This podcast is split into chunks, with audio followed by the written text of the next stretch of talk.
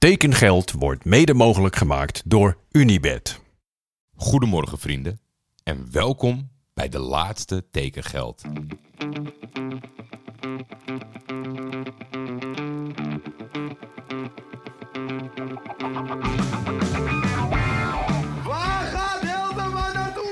U mededelen dat er overeenstemming is bereikt met Johan Cruijff bij Feyenoord. Navarone voor. Vandaag in andere kleuren, hè?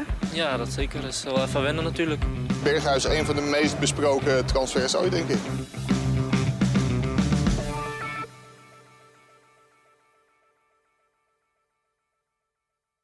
Daar gaan we dan. Voor de laatste keer. Geen rectificaties, geen aanvullingen. Here we go. Jurgen Strand Larsen is een blij man. Hij was niet compleet voorbeeldig de afgelopen weken, maar gaat meer door de voordeur dan alle overige lastige gevalletjes deze zomer. FC Groningen heeft het transferrecord verbroken dankzij Celta de Vigo. Jurgen verlaat Nederland met 27 doelpunten op zijn naam voor Groningen. Het is geen doelpuntenmachine, maar wel een hele belangrijke speel in de voorhoede, als je hem goed gebruikt. Celta heeft het vaak lastig de laatste seizoenen, maar op een gekke manier denk ik wel dat dit bij hem past. Jurgen heeft een droom, heeft hij meermaals laten vallen. Daarom nam hij als 15-jarige al de stap richting Milaan om het te proberen. Celta is de volgende halte in zijn carrière. Ik ben heel erg benieuwd of de weg omhoog gaat of dat dit het is. Of dat we hem over één of twee seizoenen alweer terug zijn in de eredivisie. Maar dat laatste verwacht ik niet.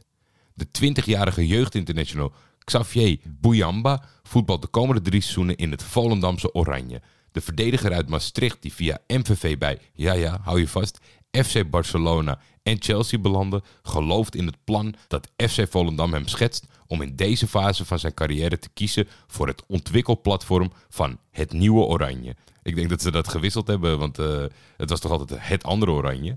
FC Volendam neemt de atletische verdediger vlak voor het verstrijken van de transfer deadline over van Chelsea. Het contract tot de zomer van 2025 bevat een optie voor een extra seizoen. Zelf noemen ze hem de nieuwe Virgil van Dijk. Ik had persoonlijk wat lager ingezet. Het is wel een iets ander profiel dan de door mij geschetste komst van Timo Letcherts. Weet je wie wel een schets magisch tot leven heeft gebracht? Marco van Modern.nl. De, ho- de nood was hoog, ik had een afzichtelijke website en Modern.nl heeft dit allemaal veranderd. jordiamali.com is nu een pareltje.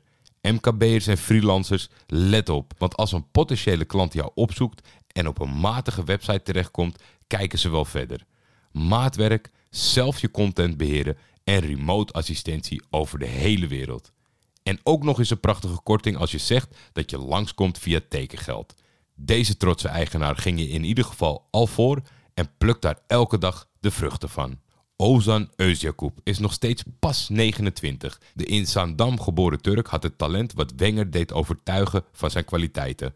Kwam uiteindelijk net tekort voor de hoofdmacht bij Arsenal en een super alert en slim Besiktas maakte de transfer van hun leven. Vijf ton betaalden ze voor hem.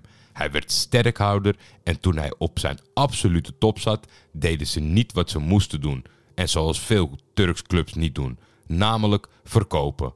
Daarentegen kreeg hij een dik salaris, de aanvoerdersband en status. Vanaf dat moment ging het minder. Niet per se door hem, maar met hem. Als Fortuna Sittard deze jongen snel wedstrijdfit krijgt en kan houden, is er ineens weer een klein stipje aan de horizon in deze barre tijden in Sittard. Horsgelden, Ozan. Patrick Joosten heeft het gezien in Nederland. De linksbuiten gaat naar Utrecht, VVV, Sparta, Groningen en Cambuur het geluk beproeven op Cyprus bij Apollon Limassol. Gelukkig speelt het eiland ook nog een rol in de laatste aflevering. Zet hem op, Patrick. Sinan Bakic vertrekt naar het speeltje van Piqué, FC Andorra. Misschien heeft hij iets meer rendement gehad, maar altijd moest ik denken aan Sinan Kalol. Wat zou jij liever hebben? Een paar rotdoelpunten of cultstatus voor het leven? Tenzij hij Piqué naar de La Liga schopt, zullen we nooit meer aan hem denken. Maar ieder jaar zie ik toch ergens wel een keer Kalole voorbij komen op Twitter bij de voetballiefhebbers. Dan maar liever een Sinan Kalole. Feyenoord onder de 21 zal per direct worden versterkt met de komst van Youssef Amin en Tijani Touré. Amin is 19, komt over van FC Victoria Keulen, dat gisteren klop kreeg van Bayern in de DFB-pokaal, en zette zijn handtekening onder een contract dat hem tot medio 2024 aan de club verbindt met een optie voor nog een seizoen. Touré, 20 jaar, wordt overgenomen van Paris Saint-Germain en tekent tot medio 2023 met ook een optie voor nog twee jaar zelfs. Ik zag een mooie tweet voorbij komen. It's happening. De 25-jarige Gratdame is per direct aangesloten bij de selectie van ASWH. De zowel achterin als op het middenveld inzetbare speler komt over van Topos. Here we go, welkom Grat. Nou, vond ik gewoon prachtig. Goed gedaan van ASWH, ondanks dat het 5 likes en 1 retweet had. Vlak voor het verstrijken van de transfer deadline heeft Pek Zwolle nog een slag weten te slaan. Verdediger Melaino Bogarde, 20, wordt voor de rest van het seizoen gehuurd van de Bundesliga-club Hoffenheim. Bogarde doorliep als jeugdspeler de voetbalacademie van Feyenoord om in 2018 naar Hoffenheim te vertrekken. Hier maakte hij twee jaar later zijn debuut in het eerste elftal. Bogarde is bovendien de jongste Nederlandse speler in de geschiedenis van de Bundesliga, na zijn debuut uit bij Mainz in 2020. Vorig seizoen werd Bogarde voor een half jaar verhuurd aan FC Groningen. Bogarde, Pek Zwolle is voor mij een logische, maar ook hele mooie stap in mijn carrière. Ik wil op dit moment namelijk maar één ding en dat is voetballen. Die kans hoop ik bij Pek Zwolle te krijgen. Daarvoor ga ik in ieder geval alles op alles zetten. De ploeg is goed aan het seizoen begonnen en ik ben vastberaden om die lijn met mijn nieuwe teamgenoten door te trekken. Voorbeeldige teksten. Ik heb even geïnformeerd bij de experts in Groningen. Zij zagen zeker talent, maar het was een beetje een ongelukkige samenloop van omstandigheden. Een beetje concurrentie, maar voornamelijk natuurlijk die rottige eindperiode onder Danny Buis. Zeven wedstrijden achter elkaar verloren. Maak dan maar eens indruk als je zo jong bent. Ik ben benieuwd wat hij kan toevoegen aan het zeer aanvallende PEC. Ajax heeft Florian Grilic aangetrokken, die een zomer lang met zijn transfervrije status door Europa is gereisd. Misschien was het de Schreuder-factor, want geld was het zeker niet. De hele Turkse top wilde hem hebben. En dan weet je dat je meer had kunnen verdienen dan in Nederland. Florian is zo'n stabiele factor dat ik het overwegen van het geld pakken in zaken Alvarez serieus als optie zou zien. Maar ik begrijp ook dat Ajax niet alle grinta, zoals ze dat zo mooi zeggen tegenwoordig, in één zomer wilde verkopen. Ik ben benieuwd naar zijn rol binnen het elftal. Wordt het een stand-in of gaat hij het mensen lastig maken in de basis? Florian zal altijd herinnerd worden als de laatste officiële transfer behandeld in tekengeld. Dan over naar een paar vragen die ik ontving. Durpstep. Dragen de scoopjesjagers op Twitter bij aan het succes van hun clubs op de transfermarkt? Nou, scoopjesjagers zijn vooral opvulling, digitale luchtverplaatsing. Scoopjesjagers zijn het Candy Crush van Twitter. Iedereen neemt de informatie tot zich met een bepaald gevoel van waarom lees ik dit nou? Maar ik denk als iemand hier een keer een onderzoek naar doet onder voetbalsupporters, dat er een klein beetje stof vrijkomt in je hoofd. En dat men daarom er verslaafd aan is geraakt. Mijn eigen tijdlijn is perfect, na jarenlang bouwen. Maar ook, maar ook ik zie het veranderen. Tot voor kort stond Fabrizio Romano nooit op mijn tijdlijn. Maar deze zomer was hij niet weg te slaan. Media begint met het citeren van dit soort accounts. We zitten gevangen in een cirkel van oneindige clickbait. Wordt het beter? Nee, nooit meer. Het zal erger en erger worden. Mijn tijdlijn is Ajax Heavy qua twitteraars. Als je kijkt hoeveel mensen er nu lijntjes hebben, is dat simpelweg lachwekkend. Maar we moeten het een plek geven. Schaadt het de clubs? Over het algemeen niet. Ik denk dat het vooral de reputatie schaadt van de belanghebbenden die de informatie lekken. Dat laten we wel wezen, geen enkele van deze accounts heeft het nieuws uit eerste hand. Ik denk, en ik zou het een logisch gevolg vinden, dat bestuurders voorzichtiger handelen of niet meer met je handelen als dat niet nodig is, op het moment dat ze doorhebben dat drie seconden nadat je wat besproken hebt, het online staat. Tekengeld is hier absoluut niet door ontstaan. Zoveel moeite heb ik er persoonlijk niet mee. Je kan het ook gewoon makkelijk negeren. Maar dat ik bijna 90 dagen niks heb moeten bijhouden, alleen op het einde van de dag even een overzicht maken van wat er echt is gebeurd, was wel heel prettig. Niemand van jullie hoorde hier het nieuws voor het eerst. En toch waren jullie hier. Dat zegt genoeg, denk ik. Mike Verhoef vroeg: kan je een korte passage wijden aan alle buitenkantjes die FC Utrecht heeft binnengehaald? Mocht dit niet lukken, even goede vrienden. Natuurlijk lukt dat, Mike. Bas Dost, Jens Torenstra, Sean Kleiber, Mike van der Hoor, Amin Younes, Nick Viergever. Wat moet ik eraan toevoegen? Dit is één groot buitenkansjesleger. Utrecht is buitenkansjeskampioen geworden. Mijn inziens zijn dit gewoon spelers waar elke club met onnatuurlijke ambities zijn vingers aan zal branden. Had ik nog een leuke die hier wel bij op aansluit? Bas Huisman zegt, wat is jouw favoriete FC Utrecht elftal? Ik denk, nou, favoriete FC Utrecht elftal, dat wordt lastig. Maar hij bedoelde een team bestaande uit alleen centrale middenvelders. Nou, daar gaat hij. Ik heb me wel beperkt op deze zomer. Ze moeten wel deze zomer een transfer hebben gemaakt. Dan beginnen we met Ryan Gravenberg. Daarnaast Jorginho Wijnaldum. Daarnaast Quinten Timber. Daarnaast Tony Filena. Daarnaast Richard Libazour. Daarnaast Mustafa Saimak. Daarnaast Jonathan de Guzman. Daarnaast Jan Bosdoan. Daarnaast Jens Toornstra. Daarnaast Luc Brouwers. En tot slot daar weer naast Taylor Boot. Lijkt me fantastisch om te zien, dit elftal. Dan Chris. Meest vergeetbare transfer van de periode. Ik heb ieder seizoen wel rond december dat ik ineens zie dat speler X bij Club Y speelt. Ik ben gegaan voor Pelle Clement. Die is zo universeel. Niet per se dat je hem vergeet, maar dat je niet doorhebt dat RKC hem deze zomer heeft aangetrokken. Ik weet zeker dat als iemand met overtuigingskracht zegt... die Pelle Clement die speelt echt al jaren leuk bij RKC, knik je gewoon. Zeker weten. Ik weet het zeker. En dan nog Erik. Welk team is de grote winnaar van deze transferperiode? Toch een vraag die men beantwoord wil zien worden. Het is ook een aantal keer in de praatprogramma's van deze week voorbij gekomen. Laat ik het zo zeggen.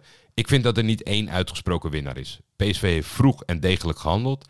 Ajax heeft uiteraard het meeste geld bijgeschreven. En Feyenoord moest denk ik de meeste mutaties doorvoeren en lijkt dit goed gedaan te hebben. Ik denk vooral dat de top 3 gezamenlijk de winnaar is en de achtervolging weer wat verder achter zich gelaten heeft. En de verliezer dan? Mijn gevoel zegt op dit moment Volendam. Ze hebben zo weinig gedaan en leken lange periode het ook wel prima te vinden. Ik vind dat meer clubs onderin geen wonder hebben verricht. Maar met Jan Smit en dat hele dorp achter je had je wel iets beter je best moeten doen voor het wonder dat handhaving zou zijn. De laatste drie vragen heb ik even gecombineerd, want we naderen het einde. Stefan Jong vroeg: Ben je blij dat het erop zit? En hoe blij? Bas Groeneveld zei: Tips om het tekengeld zwarte gat op te vullen. En Bas van Hoeven die vroeg zich af: Bij heel veel transfers gaf je aan dat gaan we volgend seizoen volgen. Hoe ga je dat doen? En hoe hou je ons erover op de hoogte? Met een knipoog. Nou, dan gaan we. Dit einde van de transfermarkt in combinatie met de overige werkzaamheden die ik uitvoer, was echt wel taai. Dat houdt geen mens langer vol dan een week. Dus als het de hele zomer zo was geweest, dan was ik denk ik wel blij geweest. Vooral dat ik nog leef en dat ik mijn gezin weer eens kon zien. Maar natuurlijk ben ik niet echt blij. Ik baal zelfs een beetje. Misschien onderschat men hoe leuk ik dit project vond. Al weet ik zelf ook wel dat ik soms een beetje in een modus was dat je zou kunnen denken: heeft hij er nog wel zin in? Maar dat was echt niet zo vaak de afgelopen 85 dagen. Bij het maken van tekengeld komt niks anders kijken dan pure passie en waardering vanuit de andere kant van de mic. Ik hou van dit soort gekke uitdagingen, maar het is natuurlijk niet te doen als je elke ochtend ziet dat alleen je moeder en je vrouw hebben aangeklikt. Maar bij het zien van de duizenden luisteraars per dag, de ontvangen interacties, de schrik als ik weer eens te laat was, dat maakt het zo makkelijk om te maken en ik weet zeker dat ik het met twee vingers in de neus nog 90 dagen zal volhouden op deze manier. Ik heb geen oprechte tips voor het zwarte gat. In een mailback-uitzending heb ik wat podcast getipt om te checken. De beste tip die ik kan geven, denk ik, is om iedere ochtend op te staan met een glimlach en tegen iemand goedemorgen te zeggen of te appen. En inderdaad, tijdens heel veel afleveringen, voornamelijk in het begin, want op een gegeven moment had ik het door dat er misschien een verwachtingspatroon ging ontstaan dat we dat dit seizoen gingen volgen. Maar dat was misschien een opmerking, dat was meer een opmerking die ik hardop tegen mezelf zei. En ik zou het ook niet gek vinden als sommige namen bij jullie blijven hangen en dat jullie ze zelf gaan volgen en bijhouden hoe ze het doen dit seizoen. Op dit moment heb ik nog niet nagedacht over een vervolg van een soortgelijk project. Maar wat niet is, kan altijd komen. Een week voor tekengeld wist ik ook niet dat tekengeld zou ontstaan. Blijf in ieder geval nog even geabonneerd op de tijdlijn. Mocht ik wat bedenken, dan zie je het daar als eerste. Een bedankrondje, zonder al te veel namen te noemen, omdat ik uit ervaring weet dat je je meteen kut voelt over de mensen die je vergeet bij naam te noemen. Maar allereerst natuurlijk mijn vrouw, Lot. Zonder deze steunpilaar, gebouwd uit begrip, had dit nooit gekund. Dan jullie, elke dag weer. Zelfs nu het seizoen is begonnen en 448 initiatieven hun best doen om voor concurrentie te zorgen. Best schattig. Iedereen waar jullie nog meer naar luisteren, naast tekengeld, mag zijn handjes dichtknijpen en daar wel eens wat waardering over uitspreken. Dan alle hulplijnen, alle audioberichten, tips, etc.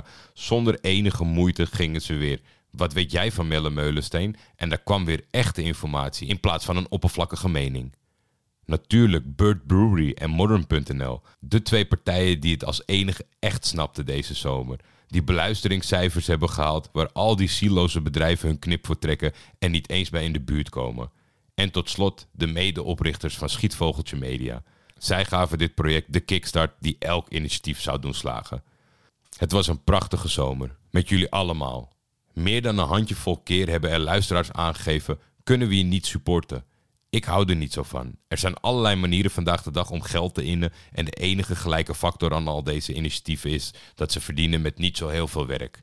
Ik ben blij dat ik de spullen en de middelen heb om dit allemaal te regelen. En zodat ik niemand heb moeten buitensluiten of benadelen of meer of minder content heb moeten geven. Maar als ik al jullie verzoeken en vragen in behandeling heb genomen deze zomer, is het ook raar als ik die paar mensen negeer. Dus eenmalig staat er in de omschrijving een link. Maak er gebruik van als je enigszins genoten hebt van tekengeld deze zomer. Het was een eer om door jullie beluisterd te worden. Allemaal heel veel succes met jullie voetbalclubs. Jullie zijn te gek. Tot morgen. Nee, dat mag niet meer. Tot ooit. Tekengeld is een Schietvogeltje Media Original. De intro is van de legend Jacco den Hertog. Voor commerciële vragen en of samenwerkingen kun je mailen naar schietvogeltjemedia.gmail.com. Heel veel mensen in mijn omgeving dachten dat ik dit slotbericht één keer had ingesproken en elke dag weer plaatste in de tijdlijn van deze podcast.